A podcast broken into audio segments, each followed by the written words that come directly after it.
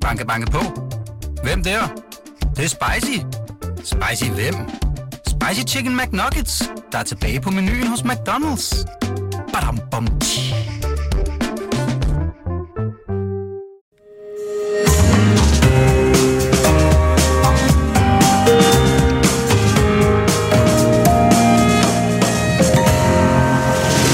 Du lytter til Succeskriteriet, en podcast fra Berlingske.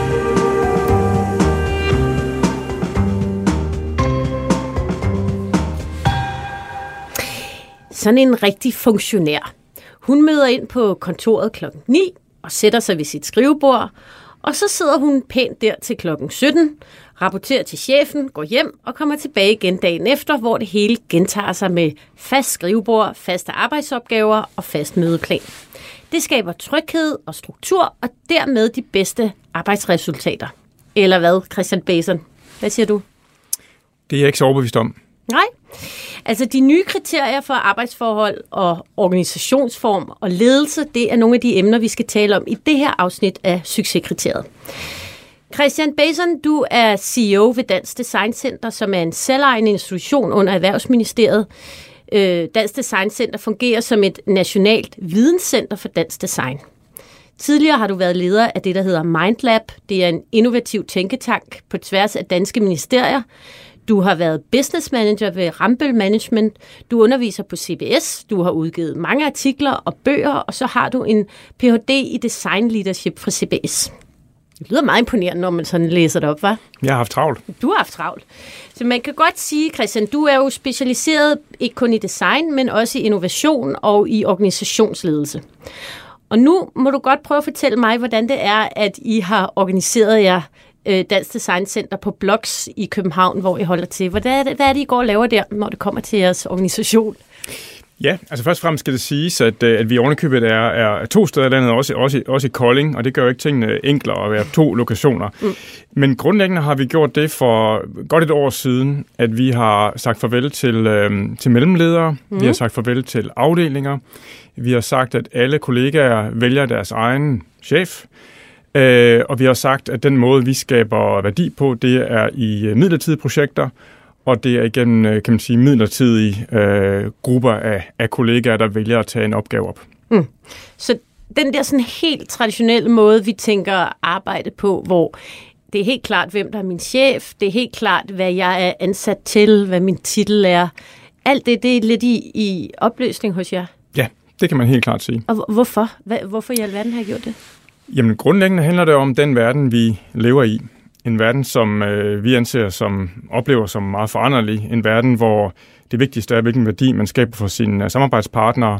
En verden, hvor man skal kunne skifte øh, rolle øh, hurtigt, og hvor man også skal, først og fremmest, mener jeg i virkeligheden, skabe nogle rammer, som mennesker bliver motiveret øh, for deres arbejde, og kan være den bedste version af sig selv, være kreative, være nytænkende, og kunne arbejde sammen fleksibelt, mm. som det passer. Mm.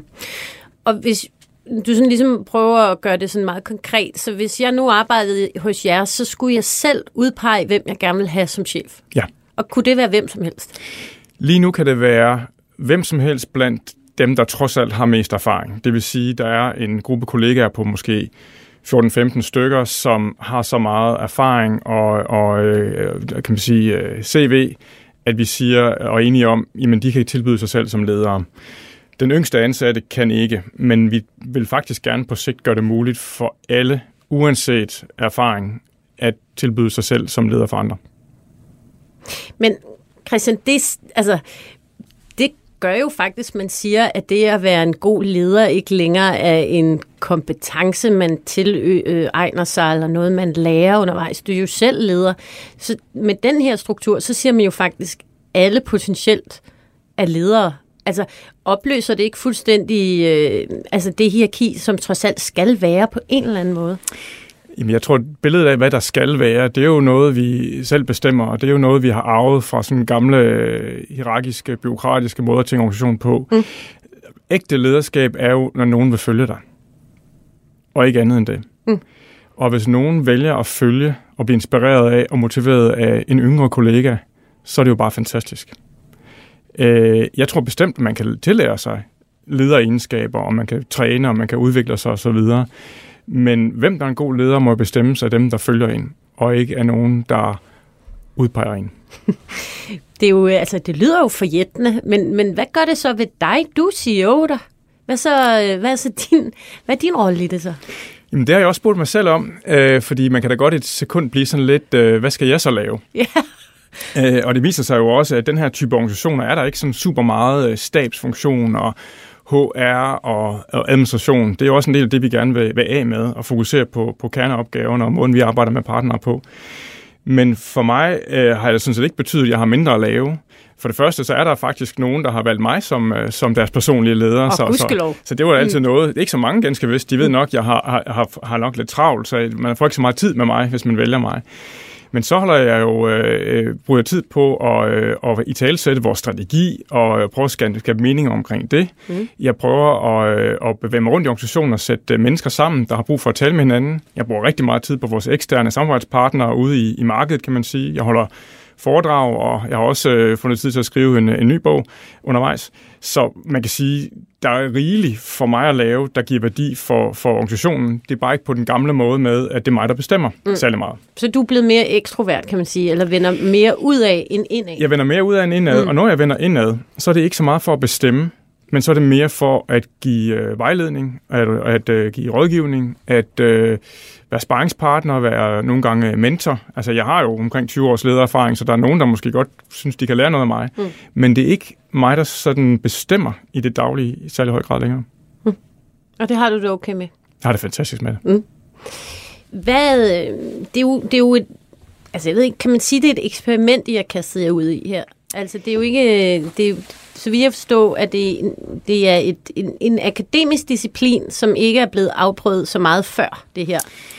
Altså, vi er inspireret af, at, at der er både skrevet øh, en lille håndfuld bøger om den her måde at være organiseret på, og vi er også inspireret af, at der findes enkelte organisationer rundt omkring i verden, der også har, har arbejdet på den her måde, og nogle har endda gjort det i, i lang tid, men, men de er bare ikke særlig kendte. Mm. Så jeg vil sige det sådan, at vi ikke er alene, men vi er nok blandt de få, og når vi fortæller rundt omkring, hvor langt vi er gået, mm. øh, altså vi er gået hele vejen, kan man sige, mm så øh, er der ikke ret mange, der er der, hvor vi er. Så ja, det er et eksperiment, og jeg vil egentlig sige det sådan, at enhver forandring i en organisation, som man ikke har prøvet før, er jo et eksperiment. Mm-hmm. Og fordi vi arbejder med at prædike design som en menneskeorienteret, eksperimenterende, nyskabende disciplin, så mener vi jo også, at vi burde gå for os øh, med at turde være eksperimenterende, også når det gælder os selv. Mm. Hvor lang tid har det været implementeret, det her, i, i organisationen? Jamen, vi øh, gennemførte det her lige omkring efterårsferien øh, sidste år, så det er sådan øh, godt og vel et år. Og hvad har overrasket dig mest, Christian, i det her? På den ene side har det nok overrasket mig mest, hvor stor en forandring det faktisk var for os. Selvom vi er jo en arbejdsplads med næsten udelukkende akademikere, mm-hmm. Øh, vi var en projektorganisation i forvejen. Mange, det, mange designer og, og hvad hedder det, kreative og innovative mennesker. Øh, og alligevel blev det øh, oplevet, tror jeg, som relativt utrygt. Ja, og en fordi vi, stor forandring. vi er vant til de her formelle rammer. Altså, vi er, er vant man. til, hvem vi skal gå til, og hvem, hvad det er, jeg skal, og sådan nogle ting. Alt det går, bliver opløst, og det skaber en utryghed. Det skaber en utryghed, fordi øh, med friheden kommer jo også et ansvar, og hele tanken her er jo selvledelse. Altså at man træffer beslutninger tæt på opgaven, og de mennesker, som har fagligheden og, og viden, de er dem, der bestemmer, og ikke en eller anden over dem. Mm. Og det følger jo også, altså der følger jo meget med, mm. øh, det skifte. Og det kom nok lidt bag på mig, hvor meget man skulle, øh, vi skulle arbejde med det, og i talsætte og kan man sige, investere tid og kræfter i den forandring. Det var større, end jeg måske næsten havde, havde, havde troet. Mm. Så I skulle bruge en masse kræfter på altså på omlægningen. Det vil sige, så bliver det jo også svært ligesom at have en hverdag, tænker jeg, og, og ja. drive. Øh, altså, står tingene så stille indtil, at man begynder at have, have tilpasset sig, eller hvordan? Nej, overhovedet ikke. Altså, vi kan jo se, at vi faktisk øh, når vores økonomiske mål i år, på trods af den her forandring, og på trods af, at vi også har gennemført en helt ny strategi mm. parallelt med, mm. og på trods af corona. Så vi er sådan set lykkedes, og vi har faktisk også løbet stærkt. Men jeg tror, det har været hårdere at løbe stærkt, i, mens alting var i bevægelse. Til gengæld kan jeg også se nu, de seneste par måneder, at vi begynder at finde vores form. at vi begynder at have fundet vores terrette i den nye. Og det er alligevel på kun lille, omkring et år, tror jeg egentlig er okay hurtigt. Og jeg kan mærke, at der simpelthen sker noget helt nyt i organisationen. Der, sker, der, der er ny energi, der bliver truffet beslutninger helt andre steder. Der bliver også truffet bedre beslutninger, fordi de er mere kvalificerede, at de bliver truffet af dem, der ved mest. Mm. Jeg, jeg, jeg, jeg kan mærke, at jeg, jeg er faktisk enormt begejstret for der, hvor vi er ved at være henne nu. Men, men det har også været en, øh, en forandringsrejse, må man sige. Ikke? Mm. Og hvad har... Øh, fordi jeg kan godt forstå, at du er glad for det, fordi det er jo også, altså, det er jo også din beslutning at indføre det osv., men hvad har, hvad har medarbejderne haft af problemer, eller hvad har de haft af klager eller ja. udfordringer i forbindelse med det her, hvis du nu skal se på det fra deres synspunkt? Ja, Altså, vi har gjort det i forhold til deres synspunkt. Vi har inviteret en håndfuld kollegaer, altså, som selv valgte dem, men til at skrive en artikel mm. øh, og offentliggøre artiklen, uden at ledelsen har set den. Det er den, jeg taler om. Så, så, mm. altså, de har jo selv øh, haft mulighed for netop at også gå ud med, med deres erfaringer. Øh, jamen, jeg tror, der er, noget handler om, at bare fordi man bygger selvledelse, så skal man jo ikke være alene. Mm. Og det vil sige, hvad er så de nye fællesskaber og forpligtende fællesskaber, man indgår i? Og bare fordi man har selvledelse, betyder det jo ikke, at det er den stærkeste, der skal vinde, eller den, der råber højst. Så der har været et spørgsmål omkring, hvis man er mere introvert og mere stille, hvordan bliver man set, og hvordan kommer man ind på de gode opgaver, og hvordan bliver man en del af, af teamet. Øh, så det var nogle af bekymringerne. Øhm, og så kan man sige, så er der en helt opgave omkring, hvad er ledelse i den her slags organisation? Fordi vi har en håndfuld kollegaer, der har taget sig et lederansvar de er bare ikke chefer for en afdeling eller et hold, men de har personlig ledelse, det vil sige, de er sparringspartnere, de er mentorer, de er rådgiver, de øh, kan også tage de svære samtaler. Og det der med at være leder, menneskeleder alene, uden at have økonomi eller, eller kan man sige, øh, pisk og gullerod, er også en ny disciplin. Og det har vi mm. faktisk brugt ret meget tid på i den kreds, der nu har valgt det, og har nogen, der følger dem, at tale om det. Så der er faktisk ret meget, der har været behov for at tale om og arbejde med. Mm. Og hvordan har I så løst de her udfordringer? Altså blandt andet det her med, der er en, der peger på mig. Jeg vil gerne have, at du er min leder, og det bliver jeg da glad for. Samtidig så sidder jeg ikke og har det formelle budgetansvar, eller alle de andre ting, som følger med ledelse. Så det var det jo nemt for mig at sige, ja, jeg synes også, du virker stresset. Går du hjem? Og, eller nej, det skal du ikke lave, hvis du ikke har lyst til det. Det blev jo en gratis omgang, skulle jeg til at sige. Ja. Øh, hvordan løser I det? Det kunne man sige, men så er der præmissen jo også, at så gør folk ting, fordi de er bange. Mm. Truslerne om øh, sanktioner, lønændring, afskedelse, hvad ved jeg. Vi ønsker at mennesker at gøre ting, fordi de er motiverede og engagerede mm. og synes, det er fedt og sjovt. Og det mm. betyder også, at alle vælger også deres eget fagområde. Øh, der er ikke nogen, der bliver proppet ned i en boks, de skal være i. Øh, spørgsmålet bliver så, tager folk så ansvar? og, og øh, bliver opgaverne løst, også de besværlige og trælse opgaver. Og det vilde er, at det gør de. Hmm. Fuldstændig som, som før, faktisk bedre end før, fordi nu er der endnu mere motivation og engagement og, og commitment til dem. Øhm, men det er klart, at vi har skulle skabe nogle nye rum, øh, hvor der er mulighed for at tale om de her ting, og spare med hinanden og reflektere omkring tingene.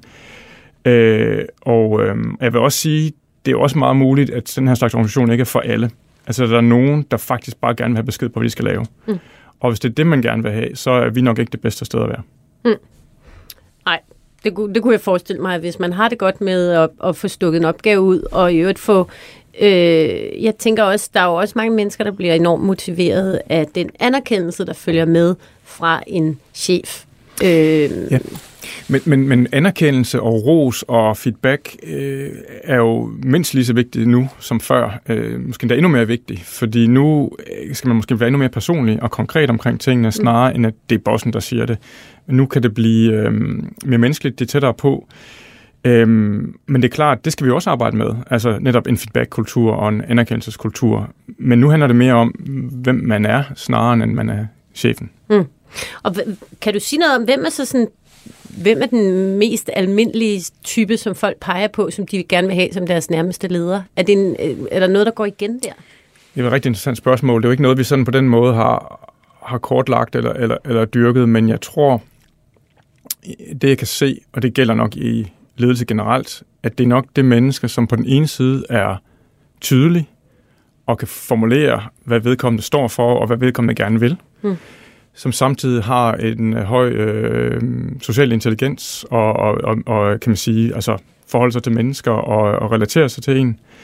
En, en person, som også er, har en faglighed, altså ikke nødvendigvis tårnhøj, men alligevel en, en faglighed, man måske kan lære af. Mm. Det kan være nogle af elementerne. Jeg, jeg synes faktisk, det interessante er for mig, at det ikke var så overraskende, hvem der ligesom har været øh, de ledere, der er blevet valgt øh, mest, mm. øh, og hvem der måske ikke er. Når det så er sagt, så sker der noget rigtig spændende med de kollegaer, som måske ikke har fået så mange følgere, øh, men gerne vil være ledere.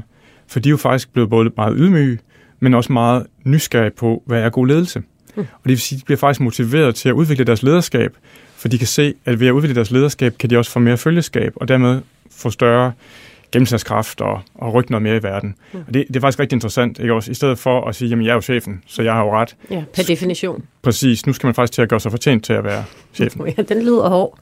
Øhm, hård, men god. Hvordan løser I så den her udfordring, som medarbejderne også har påpeget? Altså det her med, at i den her form for organisation, der er det tit de højtråbende, de ekstroverte, øh, dem for eksempel med social intelligens, som du nævner, som så trives, hvor dem, der måske er mere stille, øh, men måske også arbejdsomme og sådan noget, som kan være guld værd, at de kan måske gå lidt til i, sådan en, øh, i den her form for konstellation. Hvordan løser man så det? Jeg synes i hvert fald, det er enormt vigtigt at dyrke den øh, mangfoldighed, fordi som du også peger på, så er der jo behov for alle mm-hmm. profiler, alle typer øh, i en organisation som vores. Øh, og måden, vi løser det på, er flere ting. Altså det ene er jo selvfølgelig at dyrke det gode lederskab, personlige lederskab over for de mennesker, som har brug for at, at navigere og brug for at blive set mere og være synlige og måske have nogle ambassadører for sig. Og det er jo det, som en, en nærmeste leder kan, øh, hvis, vi ikke, hvis vi fjerner det økonomiske, bare sige, at du skal hjælpe mig med at blive, blive set og blive spillet god i organisationen. Så er der også noget med at skabe nogle, nogle teams og nogle hold, øh, øh, faglige teams, hvor man kan skinne som den fagperson, man er. Mm. Og der vi startet med en struktur, som, som øh, er sådan en ramme. Det vil sige, der er nogle øh, domæner, områder, lad os sige for eksempel grøn omstilling, cirkulær økonomi, man kan være en del af og vælge at være en del af. Mm. Men der er også rigtig meget andet, der sker i organisationen, man kan, man kan træde ind i, og som skal vokse frem. Så for eksempel er der nogle kollegaer, der arbejder rigtig meget med byer og byudvikling. Jamen, de har så skabt et felt for sig selv og kan, og kan mødes omkring den faglighed. Så det er også noget med at have rum og plads, og det har vi jo, til at man kan dyrke sin faglighed og dyrke det, man er optaget af øh, i nogle mindre hold og mindre grupper, og gøre det både legitimt, men også gøre det synligt. Så nu har vi ligesom tegnet den uformelle struktur, vi har i organisationen, og hvor det dukker alle mulige bobler op omkring dem, der arbejder med byer, og dem, der arbejder med startup-virksomheder, og dem, der arbejder med designmetoder osv. Og det er opstået af sig selv organisk. Ja. Det er ikke et organisationsdiagram, eller dig eller nogen andre, der har sagt, der skal være de her klynger. Præcis. De, de er bare opstået. De er bare opstået. Hvad hvis der så opstår noget, som du bare vurderer, eller kan se, simpelthen ikke er relevant for, for, ja for, for Dansk Design Center? Altså det... Den, øh, den risiko, øh, eller frygt kan man sige, har jeg selvfølgelig også, men når man får sagt A, må man også sige B. Mm. Og hvis jeg gik hen og sagde til nogen, I må ikke møde som det der, eller det der, det er bare ikke relevant for det, det giver ikke nogen mening, det her. Det giver ikke nogen mening. Så har jeg jo fejlet mm. i at skabe den mening, mm. og den ramme og den retning, og formulere vores strategi, og formidle den tilstrækkeligt godt. Og så må jeg nok kigge lidt indad, og så må jeg gøre mit job bedre. Øhm, og jeg må også tillade, at det sker, og så må jeg jo se, hvad siger de andre kollegaer til det? Er der andre, der kigger på det og siger, at det der det er lidt fjollet, hvorfor mødes jeg om det, og bruger tid på det? Og sådan. Så jeg tror egentlig ikke, der er ret meget andet valg, end at, end at se, hvad der sker. Og gudskelov indtil videre er der ikke noget, hvor jeg kan sige, det der det er fuldstændig irrelevant for det, vi laver. Eller tidsspille. Også fordi vi har, opg- vi har jo projekter med samarbejdspartnere, som skal løses, så, så meget tid er der jo heller ikke til rådighed til at bare lave, kan man sige, rundkreds. Mm. Øh, altså, kontorlandskabet, eller hvad man skal sige, har jo ændret sig helt enormt. Øh, altså, da jeg startede i, øh, i Danmarks Radio for rigtig mange år siden, der sad jeg inde i sådan en lille cellekontor ude i øh, Gyngemosen sammen med to andre. Og da vi så flyttede ud i DR-byen, så var det blevet til de her store kontorlandskaber, hvor alle mennesker sidder øh, samlet og øh, måske også larmer, men og der begyndte at komme sofaer og øh, fatboys øh, sækkestole og øh, noget, der minder om standerlamper. Sådan hjemmet begyndte at rykke ind på arbejdspladsen, øh, begyndte at smelte sammen, og nu her efter corona, der er det jo, øh, altså der er jo, der er hjem og arbejde jo smeltet fuldkommen sammen. Mm. Så på mange måder, så har, altså er det jo, at, at, altså vi er jo inde i en tid, hvor alting er sådan i, altså i opbrud. Og det, jeres måde nu her, Christian, organiserer på, ser jeg også lidt som et udtryk for, at, øh, altså, at tiden er, er, er, er, i så, altså, er i så hastig forandring. Mm. Er det, også, øh, er det også derfor, at I har valgt den her sådan, altså ret radikale måde at gøre op med på, hvad vi forstår ved en arbejdsplads simpelthen? Det er fuldstændig rigtigt. Altså, øhm, det handler både om, øh, om den fysiske indretning. Altså, vi er også fuld gang med at kigge nærmere på det, vi er i forvejen. Altså et, kan man sige, sådan design-studieagtigt rum, ikke? I, i, i, i Bloks og egentlig også i Parkhuset i Kolding. Men vi, øhm, vi prøver at gentænke, hvad det er, arbejdspladsen altså fysisk kan. Mm. Og jeg tror meget, at det, den kan, som er unikt, det er, at den kan skabe møder mellem mennesker. Øh, og krydsbefrugtning, øh, tværfaglig samarbejde, også møde med, med selvfølgelig vores samarbejdspartnere og, og, og virksomheder og gæster osv. Men der er også ting, den ikke kan. Altså ro, fordybelse, fokus, øh, Øh, og der har brug, mennesker brug for også at sidde hjemme, eller gå en tur, eller øh, løbe en tur, eller brug for at sidde på biblioteket, eller et helt andet sted. Øh, så vi prøver måske at finde ind til, hvad det unikke, som de fysiske rammer skal kunne for en arbejdsplads. Igen, hvor man kan både være sig selv, og hvor det føles godt og rart og hjemligt, og man kan være et helt menneske, snarere end bare kan man sige, en, en del af et byråkrati. Øhm, men også, hvad er begrænsningerne, kan man sige, for et stort rum eller for et fysisk sted. Ikke? Øhm, jeg vil også sige, at vi har altid, men nu bliver mere tydeligt nu, arbejdet med at hæve tidsgrænserne. Altså ja. dit eksempel fra med 9 til 17 eller 8 til 16. Øh, jamen, øh, det er jo allerede i dag sådan, at det har været de sidste 10, 15, 20 år, at man arbejder fleksibelt, man arbejder ikke hjemmefra, man har digitale grej med sig hvor som helst. Og der skal også være plads til både den kollega, som ønsker en meget, meget struktureret arbejdsdag 8-16, og den kollega, som jeg har en kollega blandt andet, der har valgt en fire dages arbejdsuge. Nå. Men altså lægger timer, der svarer til en fuld, men er egentlig kun på fire dage om ugen. Hvis det passer i forhold til vores opgaver og det, vi skal gøre, og passer for ham, så er det jo fantastisk. Øh, og, og den fleksibilitet at tilrettelægge sin arbejdsdag på måder, som passer til ens liv, og til der, hvor man har sin energi, og selvfølgelig altid, altid, altid med respekt for, i sidste ende, det som Dansk Design Center skal, hvis det kan lykkes, jamen, så er det jo bare fantastisk. Så er det fint. Ja. Her til sidst, Christian, hvis du skal give et råd videre til andre, øh, hvis der er nogen, nogen, der sidder og tænker, det kunne de da godt tænke sig at prøve det her, det lyder rimelig vildt. Hvad er, hvad er så dit råd? Altså, øh, nu har du jo nu har du et års erfaring med den her øh, nye organisation. Hvad skal, man, hvad skal man skrive sig bag øret? Jamen, det grundlæggende råd, tror jeg, er, at man skal øhm, man skal starte med noget meget, meget enkelt. Og for os har det enkle, men enormt stærke greb jo været vores menneskesyn. Og spørge os selv, hvad tror vi på om mennesker? Og fordi vi har sagt, vi tror på, at mennesker trives og udvikles bedst med stor grad ansvar. Vi tror, at mennesker gerne vil øh, gøre deres bedste, at gerne vil hjælpe andre. Og vi tror, at mennesker både kan udvise lederskab og følgeskab under de rette betingelser. Hvis først man har sagt det, og er helt 100% og enig det. om det. Ja. Og, og mener det, og, ja. og er, er meget enig om det. Mm. Så kommer ret meget af sig selv.